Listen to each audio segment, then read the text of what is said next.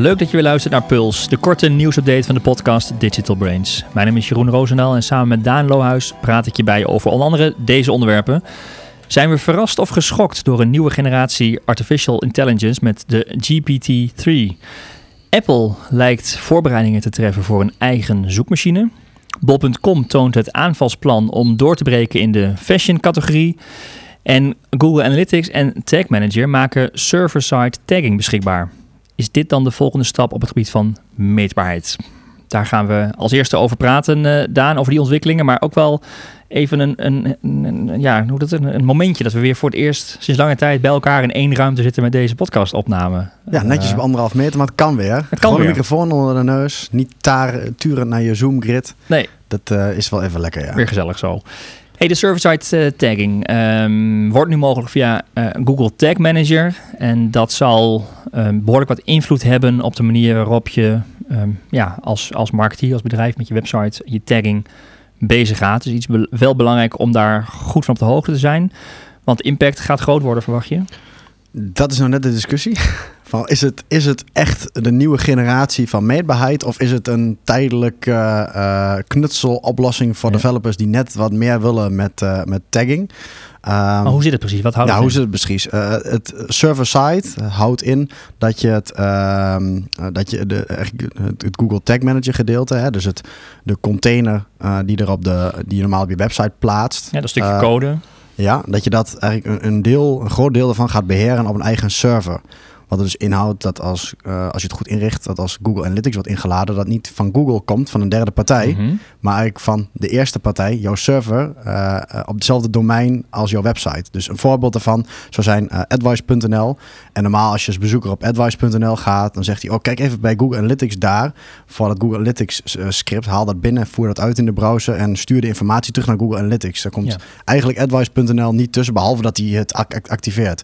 En wat je hier eigenlijk doet, is het ombouwen. Je zet er wat extra's tussen, namelijk uh, jouw eigen server. Dus je moet ook iets technisch is het ook wel een implementatie. Mm -hmm. Vandaar de discussie van is het allemaal extra Maar waarom zou je dat doen dan? Wat zijn de voordelen ervan? De voordelen ervan is dat het, uh, het kan sneller zijn. Dat is niet in het geval als je puur een Google Analytics script praat. Maar als jij heel veel scripts hebt, ja. of je kunt het vereenvoudigen, uh, dan is het, uh, kan het een stuk sneller te zijn. Want je hoeft niet naar andere servers toe. Het gebeurt allemaal in je eigen, op je eigen je omgeving. Je veel meer regie op eigenlijk. Ja. En daar komt hij al, een stukje regie. Voor privacy heeft het uh, wel voordelen. Uh, namelijk, uh, en nogmaals, in Google Analytics alleen is een slecht voorbeeld. Want dan haal je er eigenlijk niet zoveel voordeel uit. Maar als jij andere partijen hebt, andere advertising partijen of systemen die je mee laat kijken als het ware. Mhm. Mm -hmm. dan, dan laat je dat script in op je eigen omgeving.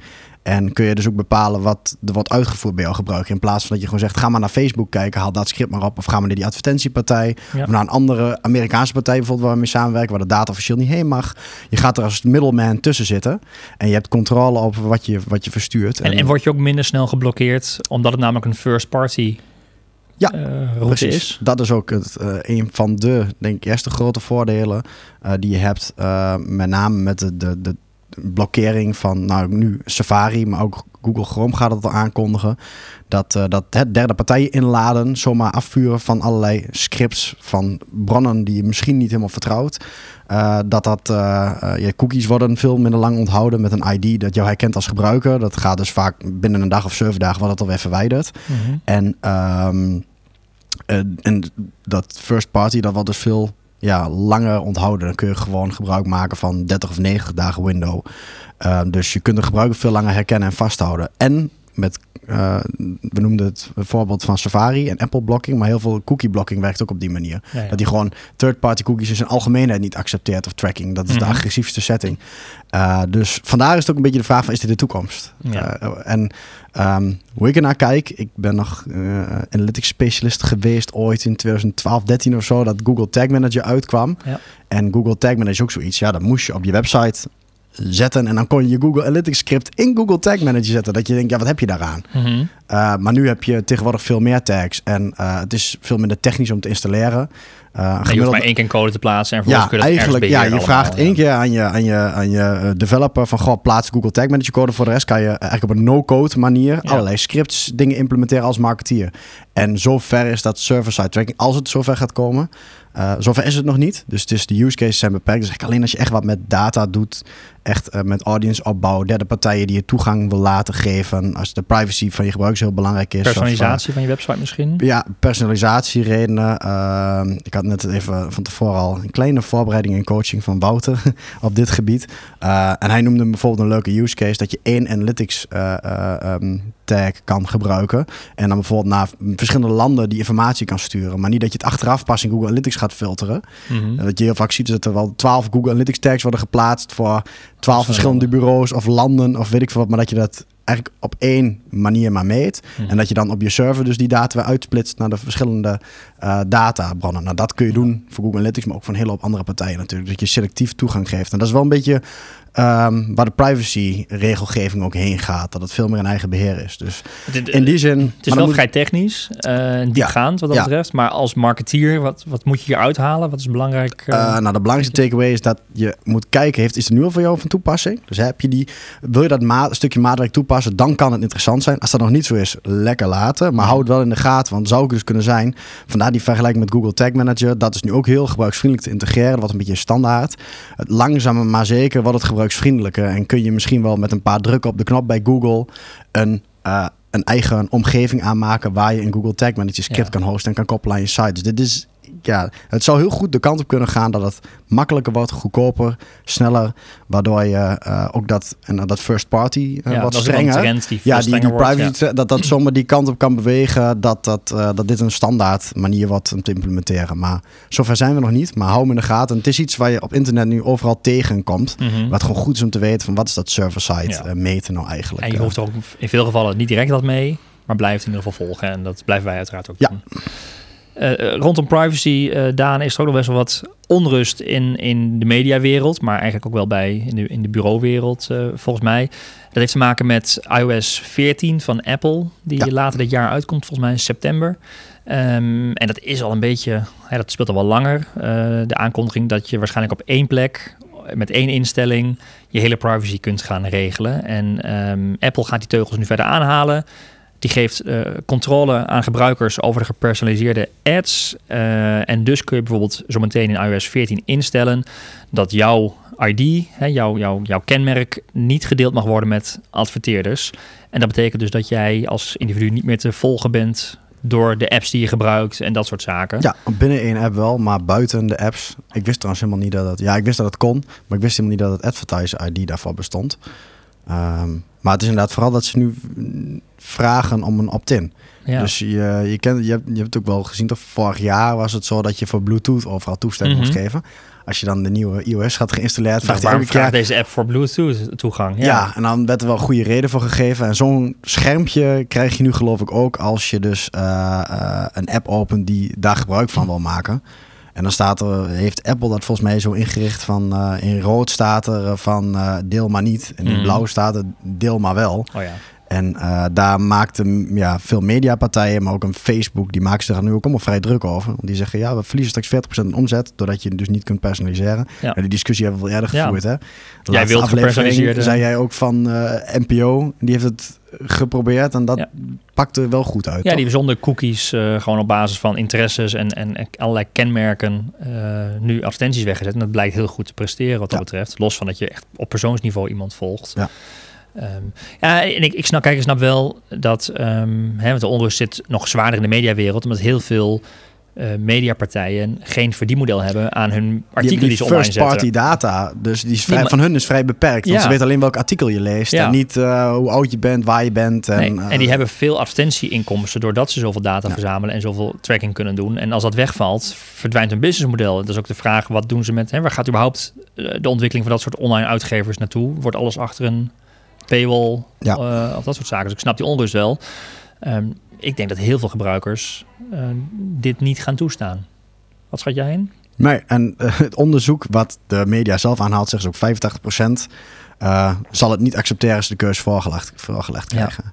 Dus ja, ik denk dat het inderdaad veel meer op basis van toestemming of paywalls of echt betalen moet zijn. Het is natuurlijk wel alleen bij Apple, dus moet Ja. wel perspectief zien, maar En we waren destijds natuurlijk met de cookie-melding ook een beetje bang dat, dat, eh, dat iedereen die cookies niet meer ging accepteren. Maar ik, ik heb zelf nu ook al bij een aantal sites geprobeerd om cookies niet te accepteren. Nou, dan moet je zoveel lezen en vinkjes bekijken wat je dan uit moet zetten. Dat ik al denk, nou, ik accepteer maar gewoon alles. En volgens mij Ja, accepteren heel veel mensen gewoon blind alles uit gemak. En dat zal bij Apple nu misschien iets anders zijn, maar Ja, ik denk dat Apple het heel anders doet. Die vraagt het maar één keer en Ja. niet nog een keer. Nee. En als je die en wat ik zei, ze maken waarschijnlijk die knop rood van wat dit is de privacy onvriendelijke en dit is de vriendelijke versie. ja. En ze geven, eh, ze zeggen ook het is schandalig dat Apple zich op die manier tussen ons en de lezers plaatst.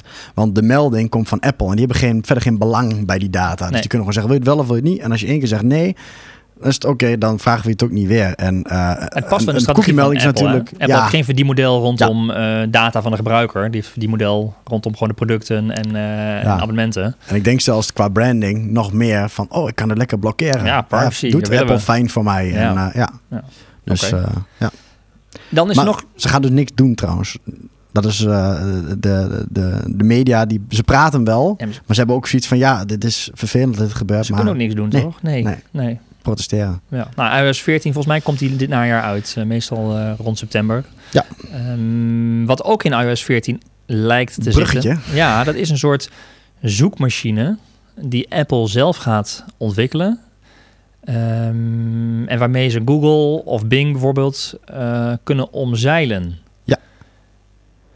De eerste keer dat ik het las, was ik nog een beetje huiverig. Want Mhm. eh, daar had eh, eh, onze vriend van de show, Marijn, onze SEO-man, Ja, die gooide het in, in ons Slack-kanaal. En ik dacht, wow, Apple begint een eigen zoekmachine. was ook een beetje clickbait. En eh, ik kijk, eh, en dat was eh, via een bron. Maar Marijn zei wel, die is de SEO-wereld, die zit er diep in. Mhm. Op een gegeven moment kwam dat artikel ook opballen, echt op Search Engine Land. En ook op de grotere blogs, want die man had wel een goede analyse gemaakt. Ehm, eh, want er zijn namelijk een aantal signalen die, dat, ja, die, dat, die daarop wijzen. In die beta zie je ook dat in die beta van iOS 14, die publiek is, die kunnen Ja. mensen gewoon installeren.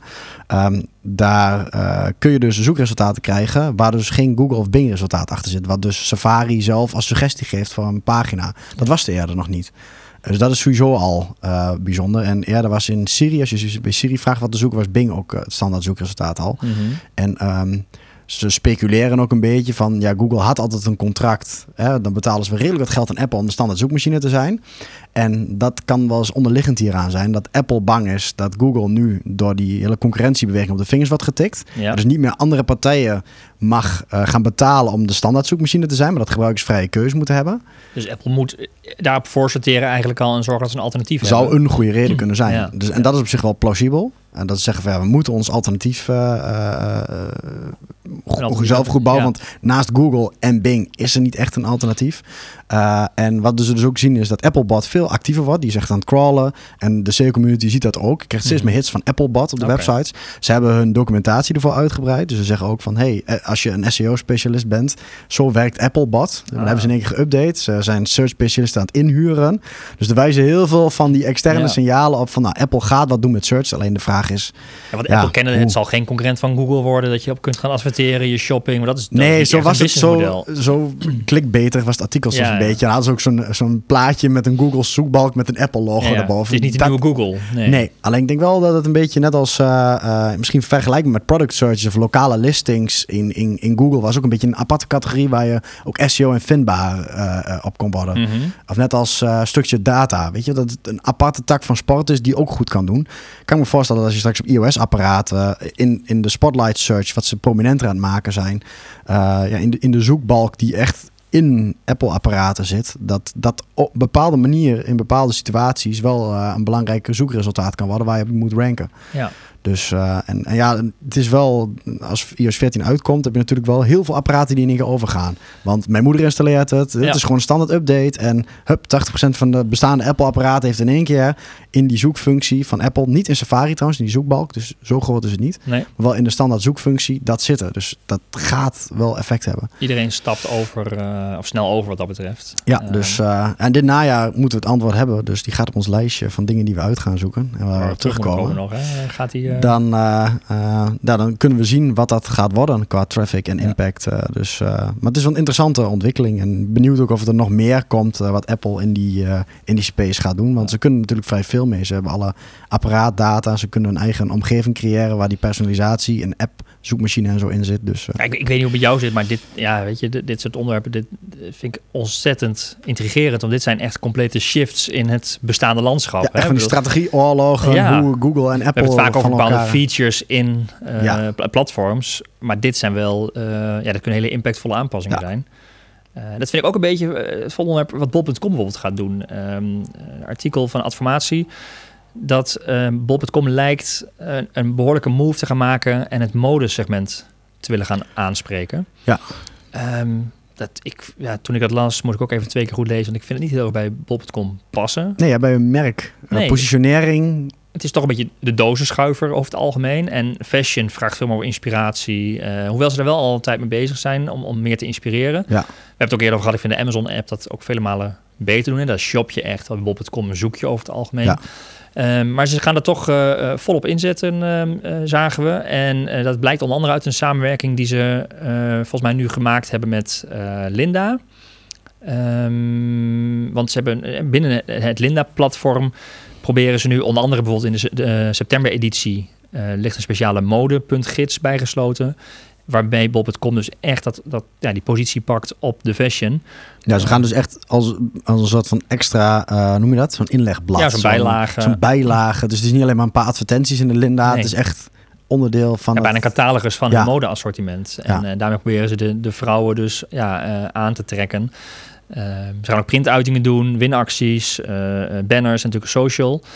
En ehm, ja, wel interessant waarom ze naar dat segment. Toe eh, schuiven. Ik denk ook dat daar nog wel groei te halen valt. Dat daar natuurlijk offline ook nog best wel eh, wat is. Maar aan de andere kant, het is ook een hele sterke concurrerende markt volgens mij. Maar als jij nou een, een, een merk zou zijn, eh noem wat, heb ik nu aan? Scotch en Soda. Ja, En die staan ook op, eh, ik weet niet of ze op bol.com staan. En wel op Amazon was ik tegengekomen, Ja. want ik ging, omdat ik dit artikel er ook op stond, dacht ik even, wat doet Amazon nou eigenlijk Amazon in de de fashion? fashion al veel verder. Ja, die hebben ook echt wat merken Ja. aan boord, niet alles. Uh, maar het is natuurlijk een, een, platform waar je op kunt verkopen. Dus, Ja. Maar hoe zie jij dan de rol als, uh, als jij een kledingmerk hebt? Ga je dan nu nog meer aandacht besteden op bol.com of ga je eerst even afwachten wat er gebeurt? Nou ja, ik denk dat je, nou ja, lastig. Kijk, ergens wil natuurlijk aanwezig zijn waar de doelgroep aanwezig is. Ik vraag me alleen nog af of de doelgroep nou ook echt naar kleding gaat zoeken. Ik denk dat er, hè, nou ja, de Salando's, de Weekamps, uh, Ja. veel sterker uh, um, of, of specifieke merken natuurlijk merkvoorkeuren zijn.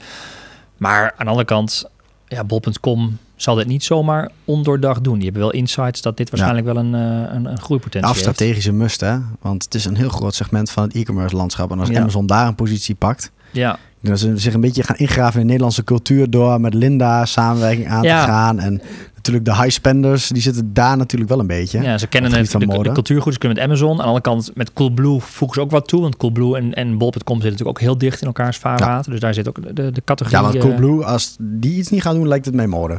Die zitten zo aan dingen met een stekker ja. uh, vast ja, qua merk. Maar ik zie toch, als ik Bol.com zie, ik weet niet wat jij ziet, dan zie ik nog steeds dat, volgens mij heeft daar lang afscheid van genomen. Ik zie nog steeds dat dikke blauwe man. die is weg, ja. Ja, die is al lang weg. Maar dat is nog steeds de positionering die Bol in mijn... En echt die dozenschuiver wat dat betreft. Maar, um, maar het is zo dus nu dat ze dat, dat, dat ze dat open gaan stellen voor partners. Hè? Want eigenlijk is het gewoon een marktplaats, bol.com, ja. vraag en aanbod. Dus zij gaan nu um, een mode toevoegen daaraan. En ze zeggen zelf dat uit de search data blijkt dat klanten al jaren zoeken naar kleding. Uh, dus, en dat verwachten dat ze dat kunnen vinden. Ik verwacht het zelf niet, maar misschien dat de vrouwen... Ja, sportkleding zo wel. Maar als ik echt ja. denk aan... ik ga een nieuwe spijkerbroek uitzoeken... denk ik niet aan uh, bol.com. Maar nee. goed. kan in ons Misschien over twee jaar zijn we compleet anders. Ja. En zijn we, uh, is het een hele herpositionering geweest van bol.com. Het blijkt in ieder geval wel dat ze met Linda het groot gaan aanpakken. Ik bedoel, dat kan niet ja. missen. Het en kan Amazon laat zien dat het ook kan. Ja. Want in de VS is Amazon ook, uh, Amazon Fashion, heet het volgens mij is echt een aparte homepage, een heel shoppingomgeving, alsof het een onderdeel is van het warenhuis. Ja, zeg maar. Dus ja. uh, het kan. Nou, ook een interessante move van, uh, van bol.com. En dat betekent dus ook als jij in de fashion zit, dat je dus ook eigenlijk moet zorgen dat je dat voorbereidt om aan te sluiten bij bol.com. Ja, als je doelgroep ook in de Linda doelgroep zit, zeg maar, dan is het wel eens handig om te gaan kijken wat bol.com er allemaal doet en of jij daar ook wat kan van En los van je shopping feeds bijvoorbeeld ook gaan kijken naar hoe je de feeds naar bol.com gaat krijgen. En op die manier je, je aanbod daar krijgt. Want ja, zij gaan in ieder geval, uh, ja, ze, het gaat waarschijnlijk groeien, want ze gaan veel lawaai uh, maken daaromheen. heel iets anders, Daan. Um, kwam, jij kwam het volgens mij tegen. Ja, je kunt geen bruggetje maken. Nee, ik kan geen bruggetje maken. Ik heb ook moeite met het uitspreken, maar het is een, een zeer indrukwekkende vorm van artificial intelligence. En voor de rest laat ik me compleet verrassen door wat jij tegen bent gekomen. Is ook wel complex. Want de eerste keer, ik kwam het ergens tegen in, in een, ook in een podcast uit de VS. En toen ik het ging googlen, dacht ik, oké, dit is uh, niet alleen ik, maar het halve internet praten erover. Ik had het al in een week gemist. Uh, en uh, het is een ontwikkeling op het gebied van artificial intelligence, zoals je al zei. En uh, wat is het? dit is een uitdaging om dit samen te vatten. Dus ik ga mijn best doen. We hebben show notes. Kun je We hebben show notes. Ik word gecorrigeerd door jou als het te wazig wordt. Maar het gaat over OpenAI. Dat is een, die doen al langer veel op het gebied van AI. Zijn, zijn een redelijk grote speler. Je hebt ook Google DeepMind en zo. Eigenlijk allemaal van die research afdelingen. Dat is onder andere gefinancierd door Elon Musk. Die zijn echt wel mee aan het pushen. Die heeft ook een specifiek doel mee met het beetje, AI. Misschien, je hebt ook de, de, de, mogelijkheid bij Google om text-to-speech te doen. Hè? Daar gebruik te maken van hun kennis en hun technologie. En dat geldt ook een beetje nu voor... Ja, de, de potentie is zo enorm dat als zij eh, jackpot hebben, zeg maar, dan is dat hele bedrijf 8000 keer zoveel water ja. is. Want het heeft natuurlijk heel veel fundamentele toepassingen artificial intelligence. En wat ze nu hebben gedaan is een nieuwe versie van de tekst uh, of de, de ja, ja, tekst kunnen begrijpen. Uh, ja. AI uitgebracht, GPT-3. Dus er hadden ook een 1 en ook een 2. Mm -hmm. En uh, dat is, die doet dus niet plaatjes, maar tekst. Want AI kennen we nu ook heel veel van plaatjes. Ja. Image recognition, die dingen die je als reCAPTCHA moet invullen voor Google. Is dit zoek de stoplichten, zoek de zebrapaden, zoek de mensen op de weg.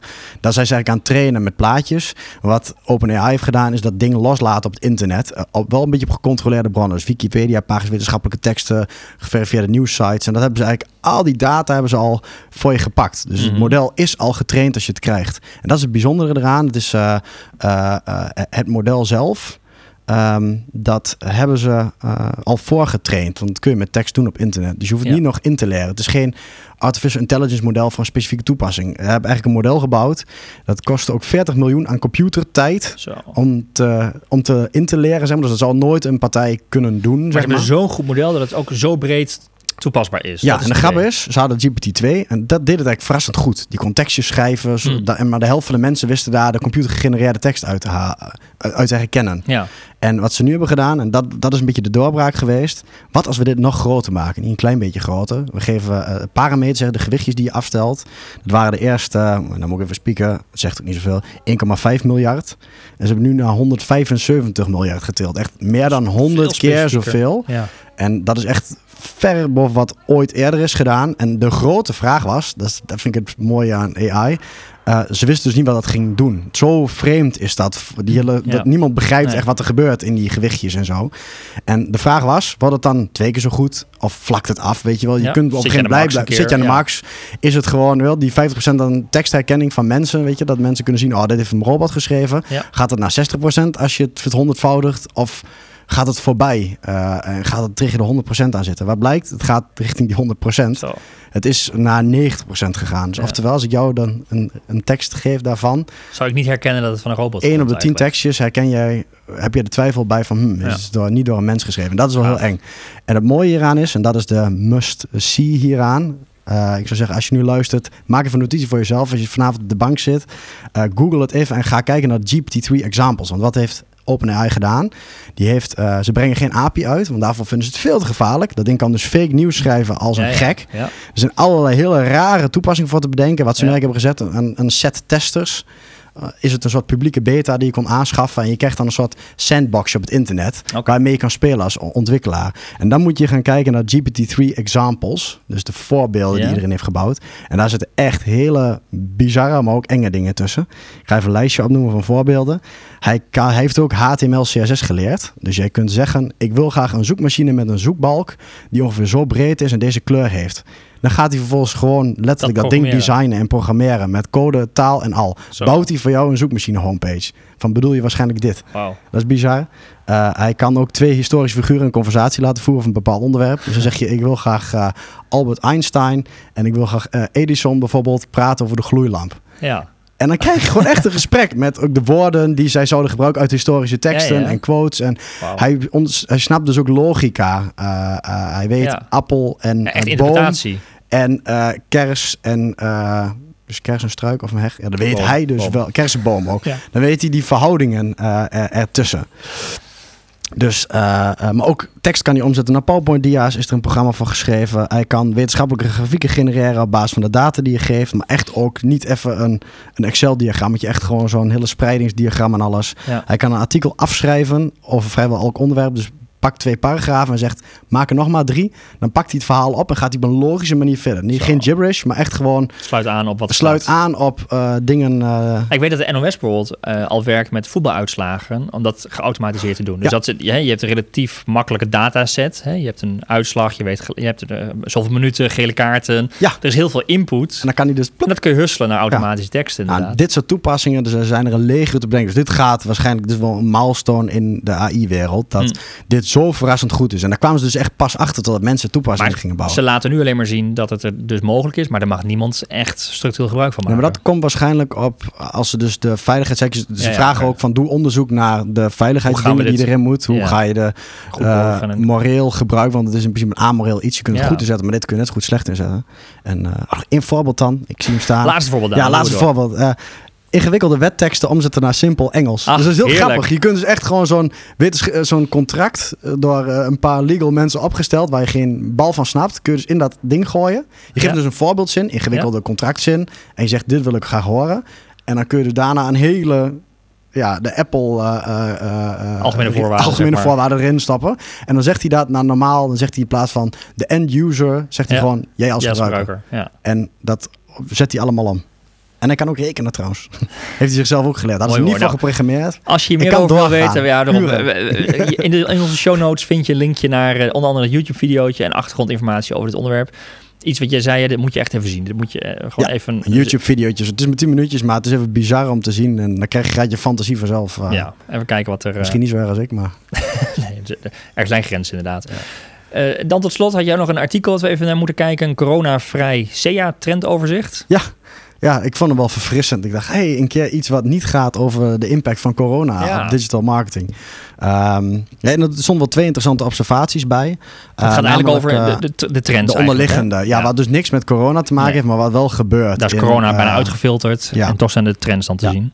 En dat ging met name, eh, het gaat over SEA, de Search Engine Advertising, dus Google Ads en Co. Eh, wat, eh, en daar zijn twee observaties in gemaakt, die vond ik wel interessant. Dat de smartphone eigenlijk de tablet eh, heeft opgevreten als het gaat om search. Ja. Ehm, Bijna geen was- tablet meer. Er zat al rem op de groei in 2019, maar nu in 2020, eh, eerste kwartalen, laat echt 45% daling zien. Dus mensen pakken voor search sneller hun telefoon Mhm. dan, en de tablet, dat zakt echt weg. Ik denk dat searches, hè, Netflix ze doen misschien allemaal nog wel even veel op tablets, maar dan zie je gewoon echt dat dat. eh, Maar ja, onze, we hebben die eh, iPad Pro. Is dat een tablet? Of is ja, dat dat is wel een eh, tablet, maar wij zijn denk ik wel gezien. Ja. outsiders die dat daarvoor gebruiken. Maar dat is dan een laptop vervangen. En Ja, wat nee, hier eigenlijk gebeurt is de, wat je eerder een beetje shoppen of googlen deed op een tablet, dat kun je nu net zo goed op een smartphone Ja. doen, zo tussendoor. Dus dat zie je gewoon dat dat eh, echt in is Dus gezet. ook echt die mobile first is veel beter geworden, waardoor je dat ook terug ziet in dit gedrag. Ja. En ehm, wat, je verder, eh, wat verder een interessante observatie was, vind ik, eh, is een beetje technisch, CA, maar eh, ja, de match types heb je altijd.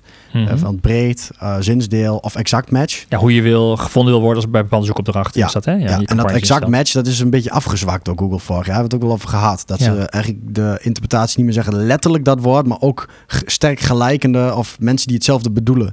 En ook dit artikel maakt daar wel, de, de- geeft even het advies van blijf daar scherp op. Want ze zien dus ook als je alle data van het afgelopen jaar achter elkaar legt, dat de conversie op exact match echt wel is afgenomen. Dus Google probeert dat te matchen, probeert ook meer geld te verdienen natuurlijk. Ja, Uh, maar de- dus, het is echt toegenomen, ook die exact match instelling. Steeds minder mensen gebruiken, of steeds minder marketeers gebruiken broad match. Dat was 20% in 2018, nu is dat nog maar 10%. Wat, hè, als je gewoon standaard in Google Ads zegt dit woord, dan is het broad match. Mhm. Totdat je de hekjes omheen zet, wat het exact match. uh, of aanhalingstekens met een zinsdeel. Maar dat exact match wordt dus echt meer ingezet nu door iedereen. Maar ze zeggen ook van je moet echt goed kijken naar ja, de conversieratio die erop haalt. Uitsluitingswoorden Ja. van dingen die toch net niet helemaal betekenen wat Het Google denkt dat het is. zijn, Ja. ja. en dat is echt één eh, eh, observatie. We zeggen ook als je terugkijkt naar de data, super belangrijk, blijf dat doen. Dus, eh, maar goed, Dus- er staan nog meer observaties in het artikel. Dus En dan kun je campagnes, het gaat echt voor de paid search, dus daar kun je weer gebruiken om je campagnes in te optimaliseren bijvoorbeeld. ja, ja. Volgens mij eh, was dat het voor deze aflevering. Ehm, de show notes, zoals, we al, eh, zoals ik al zei, die vind je op advice.nl slash podcast. Tips, vragen, reacties en ideeën zijn altijd welkom via podcast.advice.nl. En wil je ook volgende afleveringen blijven volgen, heb je je nog steeds niet geabonneerd, ondanks de oproep aan elke afsluiting, in elke afsluiting van deze aflevering, dan abonneer je op de podcast in je favoriete podcast app of via Spotify of YouTube. Wouter, bedankt weer voor eh, de technische ondersteuning. En eh, bedankt voor het luisteren en graag tot de volgende aflevering.